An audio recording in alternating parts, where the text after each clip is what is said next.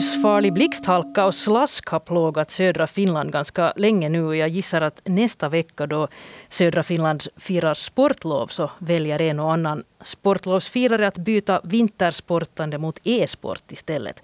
Alltså att man helt enkelt stannar inomhus och till exempel spelar mobil eller konsolspel istället för att halka runt utomhus. Någon annan kryper kanske hellre ner i soffan med en bra bok. Men att plocka fram en, en bok är inte alls så självklart för alla. I skolvärlden har man i flera års tid oroat sig för att det finns en stadigt växande grupp elever som är svaga läsare. Och nu har man också fått upp ögonen för att det finns en växande grupp elever som också är svaga då de skriver. Många olika projekt har dragits igång för att stödja läsning och skrivning.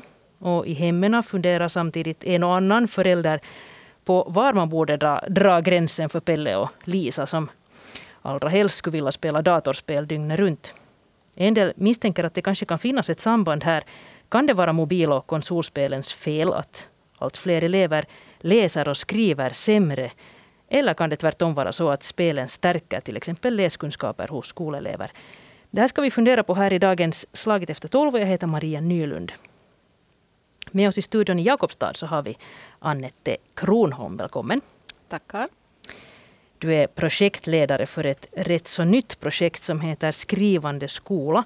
Och du har också lång erfarenhet av att jobba som modersmålslärare och du är också skrivforskare bland, bland annat. Och, och med oss från Pargas så har vi Nea Kronberg. Välkommen. Tack. Du jobbar för Nilo Mäki-institutet och också du har lärarbakgrund, har jobbat länge som speciallärare.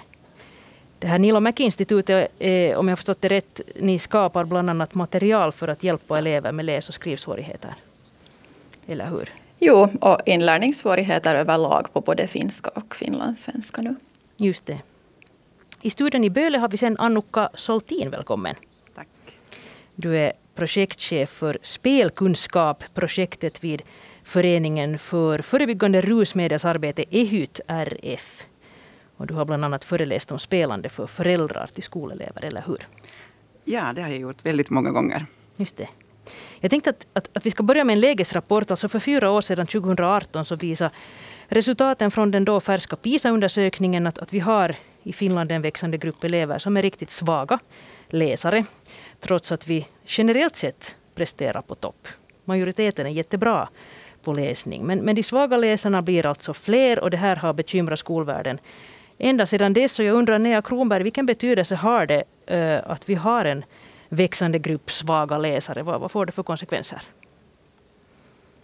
No, där finns kanske två olika nivåer. Man kan tänka på att för den där individen som har, har en svag läsförmåga så, så visar forskning att inlärningssvårigheter leder till en, till en större risk att utveckla psykiskt illamående och, och därmed utslagning och arbetslöshet. Att det är stora frågor. Däremot så visar också forskning att stöd och uppmuntran hjälper och, och, det är ju en viktig sak. Sen på ett samhällsplan så är det här ju faktiskt en jättestor demokratifråga om att få ta del av och, och vara med. Det handlar om jämställdhet, att förstå vad andra, andra läser och skriver och kunna förmedla sina egna tankar. Så. Stora frågor är det.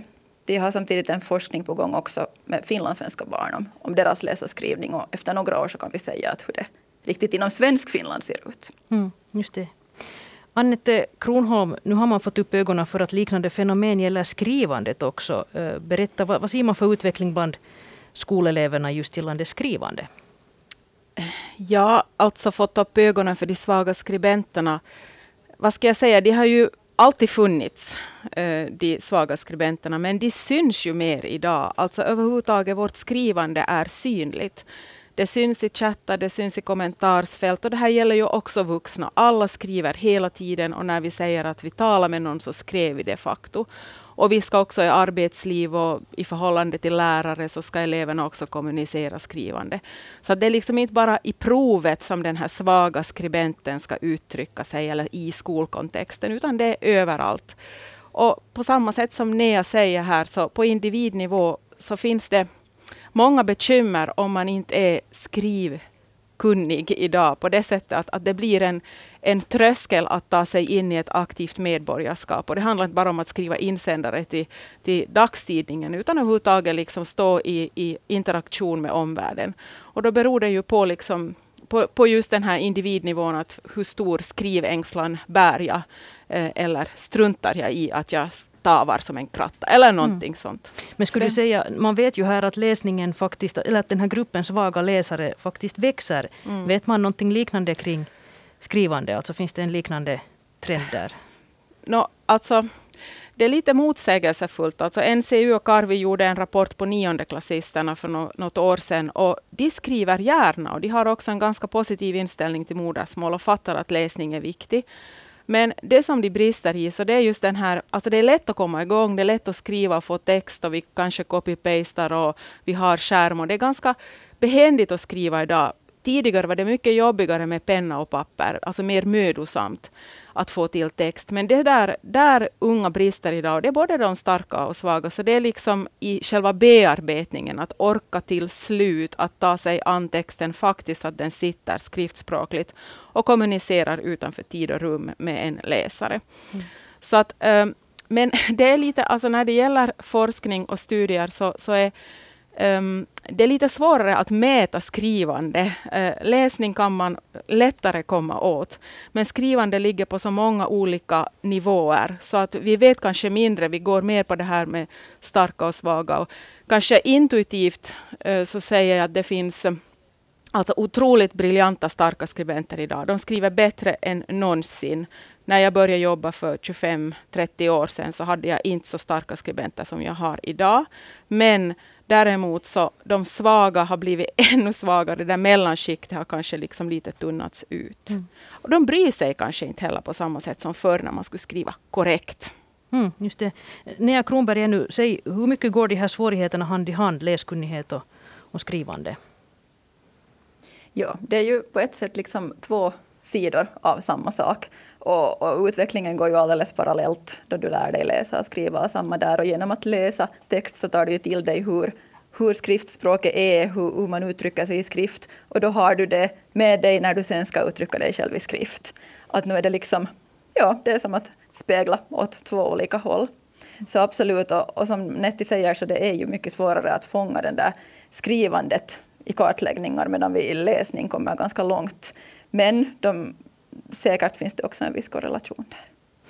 No, men Hufvudstadsbladet berättade nyligen här om, om, om ditt Annette Kronholms arbete och i samband med den här artikeln så hade man en enkät som läsaren fick svara på. Där skulle man då välja vad man trodde att ökade skrivsvårigheter berodde på. Och, och av dem som har svarat hittills så tror 69 procent att det beror på för lite bokläsning medan en tredjedel tror att det beror på för mycket skärm.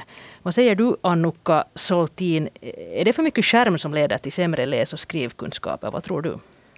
No, det här har man också forskat kring ganska mycket men egentligen är det väldigt svårt att säga att hur mycket påverkar skärmen eftersom det beror ju på vad man gör med den där skärmen. En stor del av, av det som barn och unga nu har gjort inom coronatiden så är det ju faktiskt till exempel skolgång på distans via skärmen och då har man bara läst och skrivit. Och, och, och sen så, så kan det hända att man använder sig på andra sätt av, av, av skärmen och under skärmtiden än till exempel vuxna ens vet om. Det vill säga vissa spelar, andra lyssnar till någonting, en del läser böcker, andra läser bloggar, någon kommenterar någon följer med. Det är väldigt sådär mångdimensionellt och det är ganska svårt att greppa om den här helheten. Så, så jag har kanske inte en sån rak, ett rakt svar på den här saken heller. Och det är någonting som vi måste forska kring och ta reda på i, i, inom en längre tidsperiod så vi kan se hur mycket det påverkar. För det finns ju det positiva också.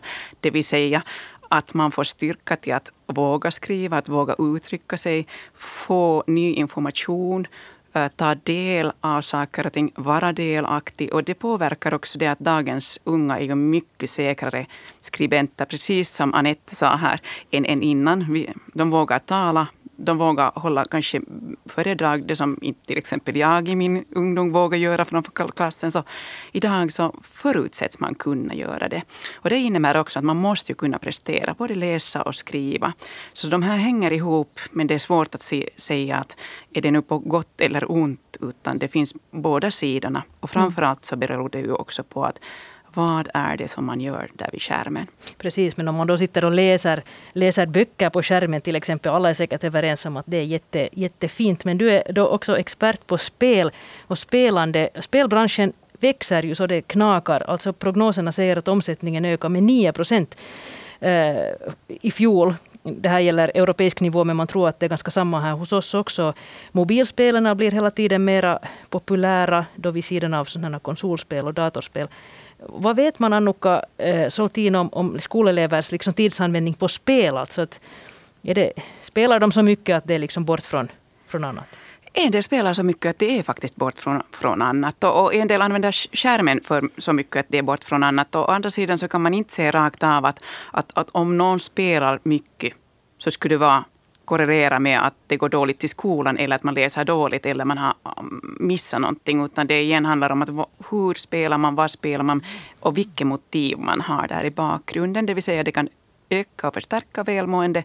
Men ifall det är tufft på många lägen så kan det hända att det, det, det liksom tar för mycket tid och så påverkar det sömnen och relationer och det kanske blir gräl. Så det här är också så mångdimensionellt att vi, vi får bara följa med. Och sen framförallt när vi tänker på vuxna så skulle det vara väldigt viktigt att istället för att tänka på hur många timmar en elev eller en barn eller ung är eh, vid spelkonsolen eller mobilen. Så, så att man skulle följa med, fråga efter att hej, vem har du träffat, vad har du spelat, hur mår du, vad har du lärt dig, visa intresse. För det är också ett sätt att stötta det där positiva i, i det hela. Och om man frågar så där tidsmässigt så, så i Finland så görs en sån här kartläggning som heter Spelabarometern. Pelaajabarometern heter den på finska. Gjordes senast 2020 och enligt den så, så spelar 10 till 19-åringar cirka 17 timmar i genomsnitt i veckan. Men obs, det är de som spelar två timmar och de som spelar 40 timmar. Och här igen så, så om man sportar jättemycket fast ishockey så vet vi att den som sportar sex dagar i veckan så sportar mycket mer än den som hobbysportar en dag i veckan. Och här igen det här med att är det nu sen på gott eller ont. Det kan stötta i bästa fall det där mm. välmående. Om det är bra kompisar, det känns bra. Och sen att familjen vet också vad som händer där. Vad säger man i lärarrummen, Annette Kronholm? Alltså finns här en sån här misstanke om att, att spelande, eh, det där, eller mycket skärmtid överlag ligger bakom då det här svagare läskunnighet och, och skrivproblem? Jo, det är nog ofta den rösten som hörs. Att, att de slarvar, skriver slarvigt, det är inte fullständiga meningar, inte punkt och stor bokstav. Och liksom så här väldigt, alltså ett chattspråk, ett talspråk. Och att eh, att de, är så o, de skriver ingenting längre och de läser så lite. Och jag, ibland undrar jag att hur mycket skrev mina eh, elever för 30 år sedan. De skrev bara i skolan. De här skriver mycket mera. Och också den här vi har talat om de svaga pojkarna. Också de svaga pojkarna skriver mer än någonsin. Men, men det där hur det ser ut sen. Och det är ju där som vi eh, lärare, skrivpedagoger och inte bara modersmålslärare utan alla lärare liksom behöver lyfta det här att det handlar om olika sammanhang. Att när du, när du chattar med kompisar, till exempel i ett spelsammanhang eller annars eh, på sociala medier eller så här, så då är det liksom den talspråkliga kontexten och det är helt okej okay, och man kan blanda språk och man kan gå i affekt och man kan liksom, ja, jag tänker framförallt i, i spelandet. Men, men det där Eh, när du sen skriver i en, en, skolkontext eller i en mer professionell kontext, söker ett sommarjobb, då är det någonting annat som krävs av din skrivkunnighet. Och, och det handlar inte om att säga att det ena är, är liksom dåligt, eller så här, utan det, vi måste liksom bredda den där repertoaren och, och jag måste säga som skrivlärare så tycker jag det är mycket roligare att vara skrivpedagog idag än för 30 år sedan. För då skrev de bara för mig för att de skulle få ett betyg. Idag skriver de för livet, alltså för att leva och för att stå i kommunikation. Och det är ingen som ifrågasätter att vi behöver skrivande. Förr sa pojkarna att, eh, att skrivande är ingenting för mig. Jag ska inte bli varken journalist eller författare. Men det, så är det inte idag. Mm. Så också inte så hemskt eh, skrivintresserade pojkar så, så där har tröskeln blivit lägre och man, också de, de börjar där knacka ner sina chattmeddelanden. Men vad säger du Annika Soltin? Jag, eh, jag undrar hur, hur oroliga brukar föräldrar vara på, på sådana föräldrakvällar till exempel som du drar? Alltså, eh, hur oroliga är de för att barnen använder för mycket tid på sina spelskärmar och att de istället borde läsa böcker eller något sånt?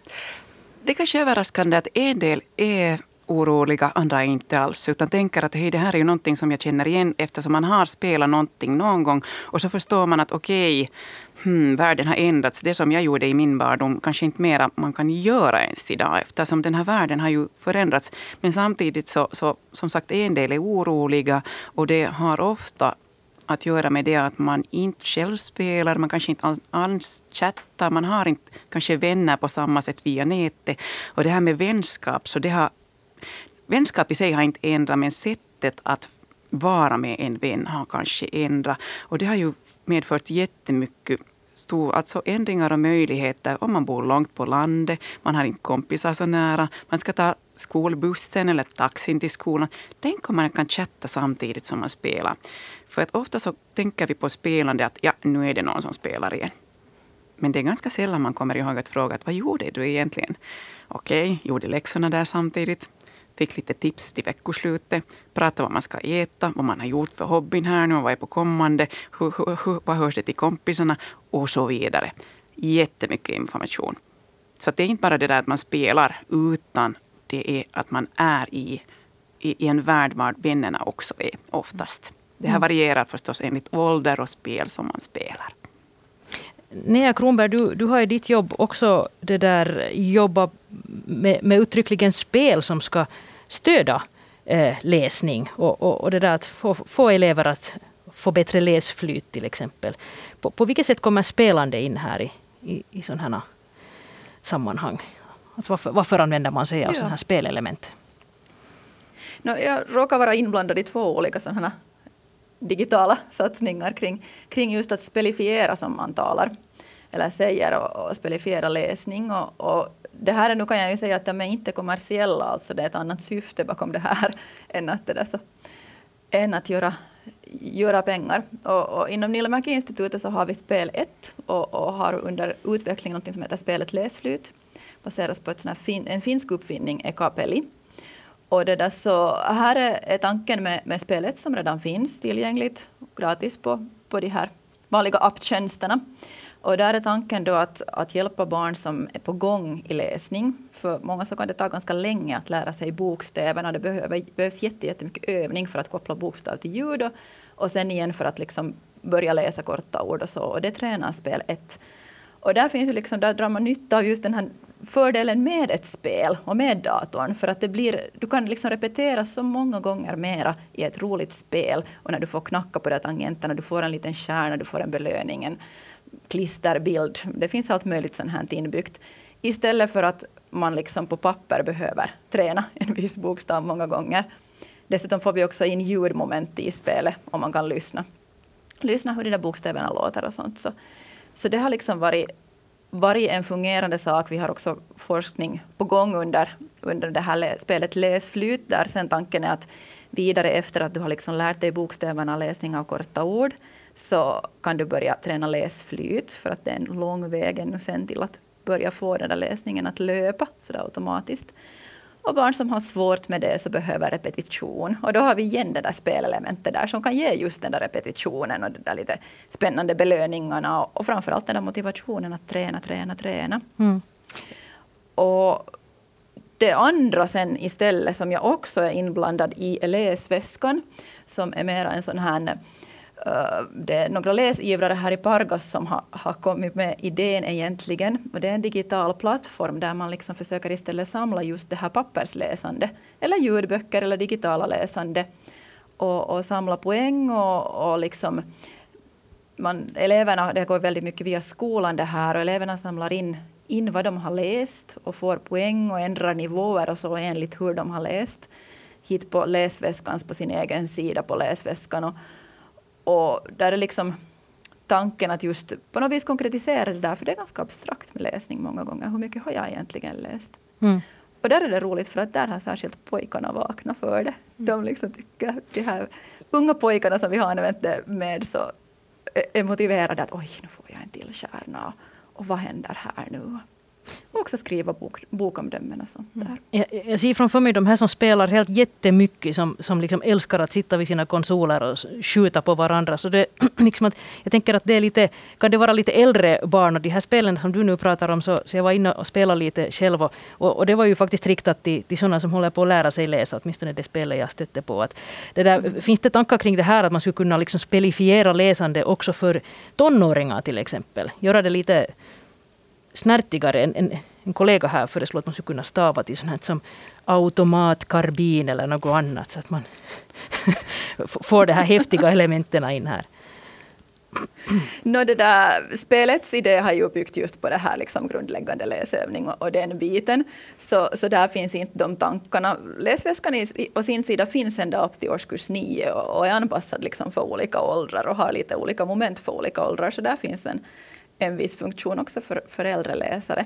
Men nej, nej, vi har inte liksom direkt tänkt så. Man behöver ju en så fullständigt annan slags övning i det skedet sen. Så.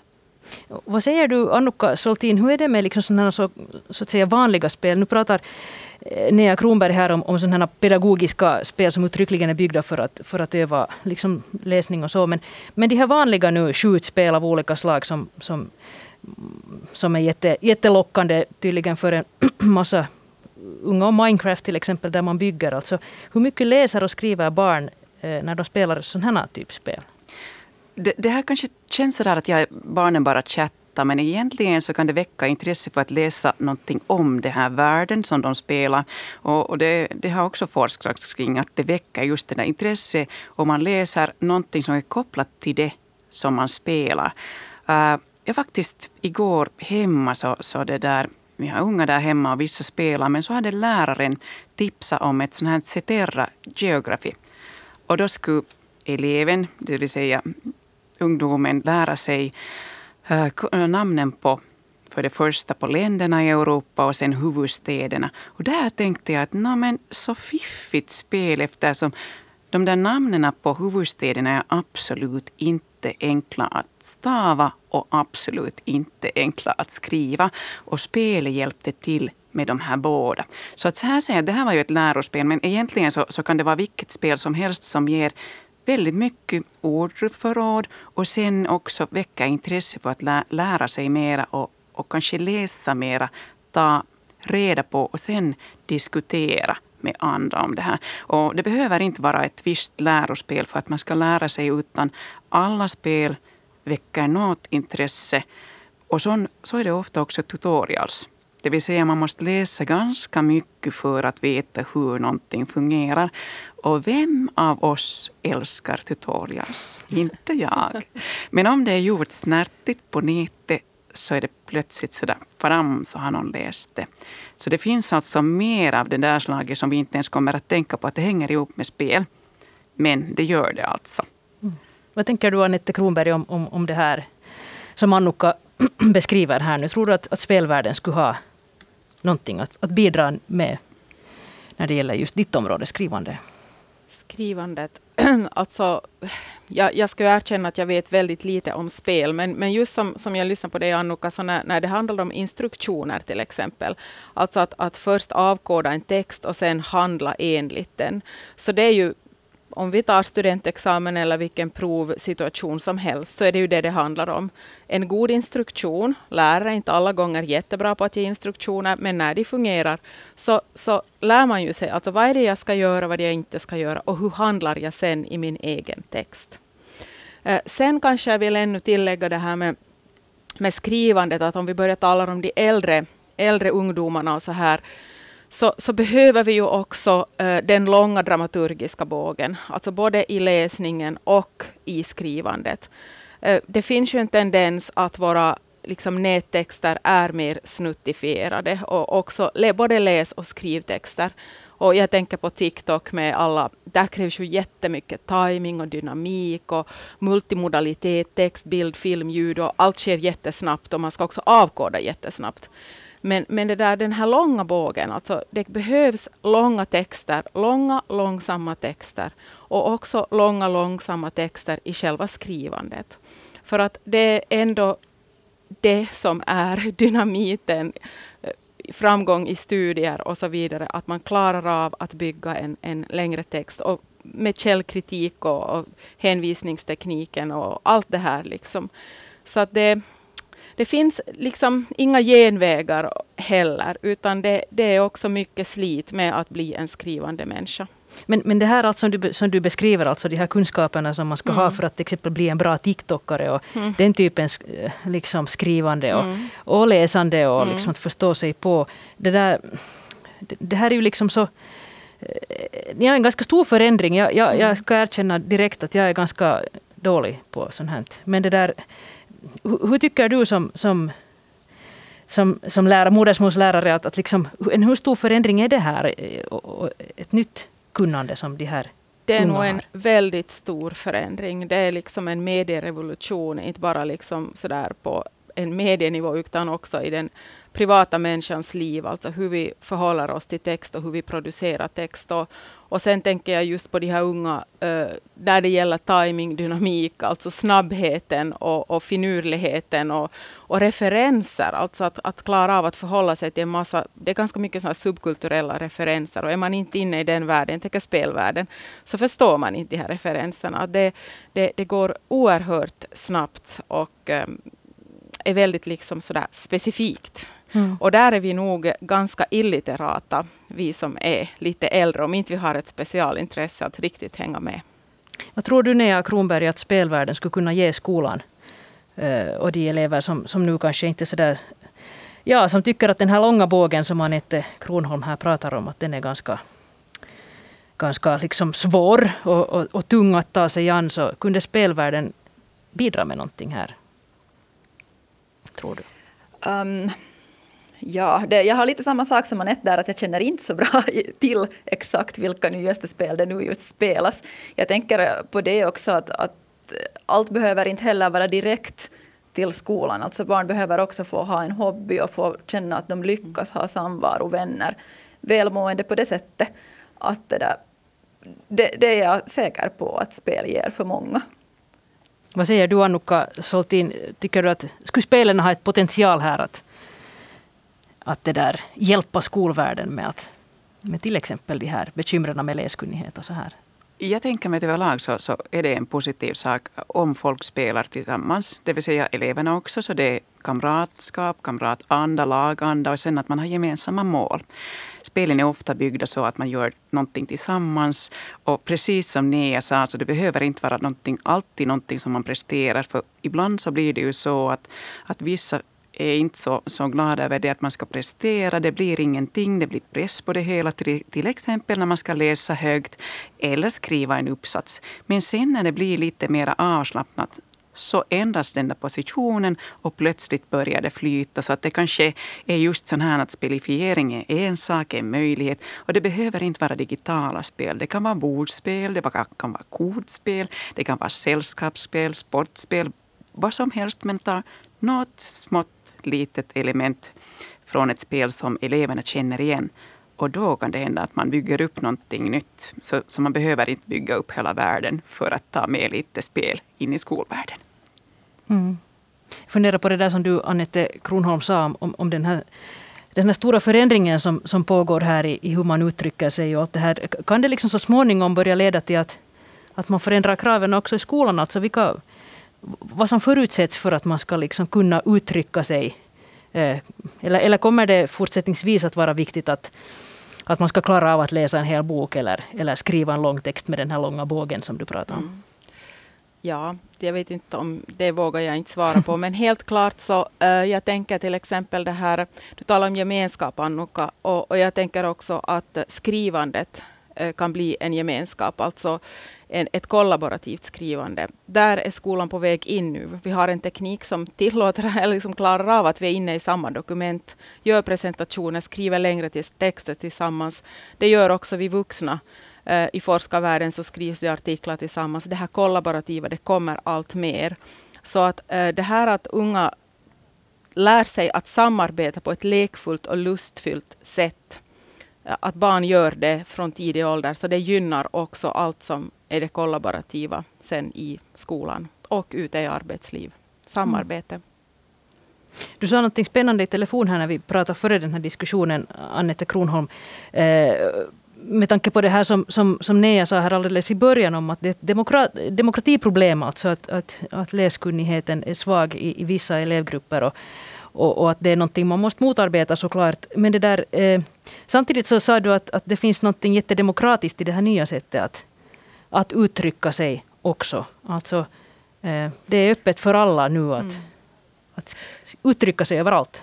Absolut, på, på gott och ont. Ibland så ska man ju undvika vissa kommentarsfält och så här. Men, men så är det. Alltså det, det är ett demokratiprojekt och därför är det hemskt viktigt att alla får tillträde till en läs och skrivkunnighet. Alltså att jag upplever att jag vågar ta mig in på en arena till exempel. Eller jag behöver inte ens en tidningsredaktion idag. Jag kan starta en egen blogg. Eller jag kan just använda mig av TikTok-flöde eller alltså skapa opinion av olika slag. Och det är väl, det är väl demokrati som bäst. Eh, men vi har ju också andra sidor. Och där är ju skolan också, eller de vuxna, väldigt viktiga. Alltså det här med att behandla varandra med respekt. Precis så som vi umgås eh, IRL så ska vi också klara av att umgås på nätet. Och, och, med källkritik och källtillit och allt möjligt. Alltså det finns så otroligt mycket spännande som man kan ta in i skolan. Alltså världen kommer in i skolan på ett sätt som aldrig tidigare och, och vi har våra skärmar. Så det är liksom möjligheter att, att faktiskt ta in världen i skolan. Mm.